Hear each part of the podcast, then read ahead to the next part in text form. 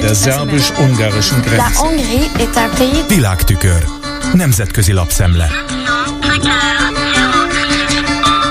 Köszöntöm a hallgatókat. A brüsszeli Le megfogalmazása szerint Ukrajna nyugati támogatását illetően az elmúlt hetekben elsötétedett a látóhatár. Az Egyesült Államok késlekedik a pénzügyi támogatással. Az európai diplomáciát, politikát és médiát a közel-keleti helyzet uralja, és a jelek szerint az idő Oroszországnak dolgozik. Még azok a megígért források is váratnak magukra, amelyeket az Európai Unió helyezett kilátásba az ukrán költségvetés rendbetételére, illetve a katonai beszerzések céljára. Mindezt figyelembe véve az Ukrajnával való szolidaritás bármifajta megnyilvánulását üdvözlik Kijevben, kommentálja a lap Charles Michel belga politikusnak az Európai Tanács, vagyis az uniós tagországok csúcsvezetői testülete elnökének a kijevi látogatását. Az utazást hivatalosan ünnepi megemlékezéshez. A kijevi főtéren a Majdanon kirobbant forradalomnak, a Moszkva barát Janukovics rezsim bukásához vezető folyamat kulcsfontosságú eseményének, a tizedik évfordulójához igazították. 2013. november 21-én azért lepték el a felháborodott emberek az ukrán főváros központját, mert Janukovics nem volt hajlandó aláírni az EU-val kidolgozott társulási egyezményt. A maga prózaiságában azonban ennél is relevánsabb most az a semennyire sem kerek szám, hogy Michel az Ukrajna elleni orosz invázió 635. napján érkezett Kievbe.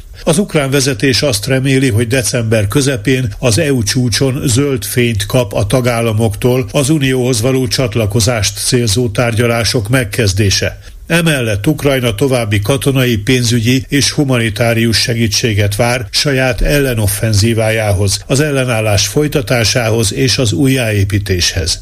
Charles Michel vizitje, amelynek célja, hogy biztosítsa Kievet a támogatás töretlenségéről, voltak éppen egy látogatás sorozat része, írja a Le Soir, és kitér arra, hogy a minap járt az ukrán fővárosban Lloyd Austin, amerikai védelmi miniszter, előtte pedig nem sokkal David Cameron, az új brit külügyminiszter.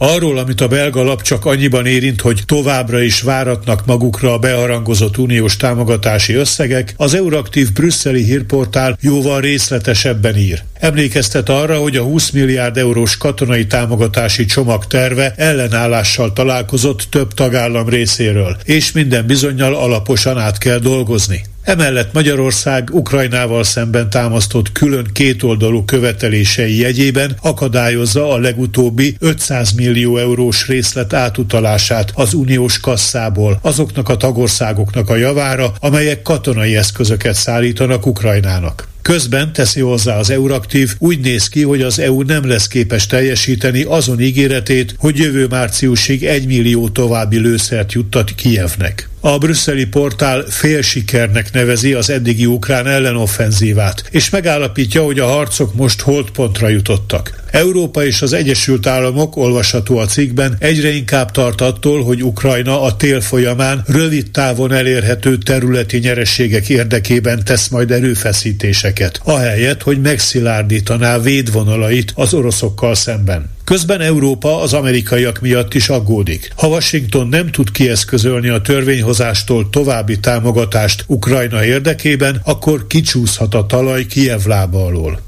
Röviden még két írásról. A Bécsi Di Presse egyik cikke arról szól, hogy a jobboldali nemzeti irányzatú magyar kormány 2010 óta alaposan felforgatta a magyarországi viszonyokat, és ez alól a bankszektor sem kivétel. Az osztrák szerző szerint Orbán Viktor saját alvállalkozóivá tette a bankokat. Már 2010-ben elkezdte kiszívni a pénzt különadók formájában a külföldi tulajdonú pénzügyi szolgáltató intézetekből. Nem csupán bankokból, hanem biztosítótár társaságokból is, miközben a hazai pénzintézetekkel nagyvonalúan kivételt tett. A Dipresse szerint a Rai Fejzennél úgy fogalmaztak, hogy a magyar kormány önkiszolgáló üzletnek tekinti a bankokat, a CIP pedig egyenesen rémálomról beszélt. Eközben az OTP-vel jelentős mértékben kivételeztek, sokkal kevesebb bankadót kellett fizetnie, mint a külföldi bankok magyarországi leányvállalatainak. A Politico amerikai portál európai kiadása arra figyelt fel, hogy két magyar kormánypárti európai parlamenti képviselő, a Fideszes Deutsch Tamás és a KDNP-s Hölvényi György konferenciát hirdetett meg az EP Strasburgi székházába arról, hogy miként lehet küzdeni az oktatás eszközeivel az antiszemitizmus ellen. Három EP képviselő azonban, a liberális Karen Melchior és Maria Soraya Rodriguez Ramos, valamint a zöldpárti Margrethe Auken válaszlevelében rendkívül megtévesztőnek minősítette a meghívást. Idézem, tekintettel az Orbán kormány gyenge teljesítményére, ami az antiszemitizmus ellen a saját hazájában való tényleges küzdelmet illeti. Ez volt ma a Nemzetközi Média Szemle Kárpáti Jánostól. Köszönöm a figyelmüket! Der szerbus-ungarischen Grenze. Nemzetközi lapszemlét hallottak.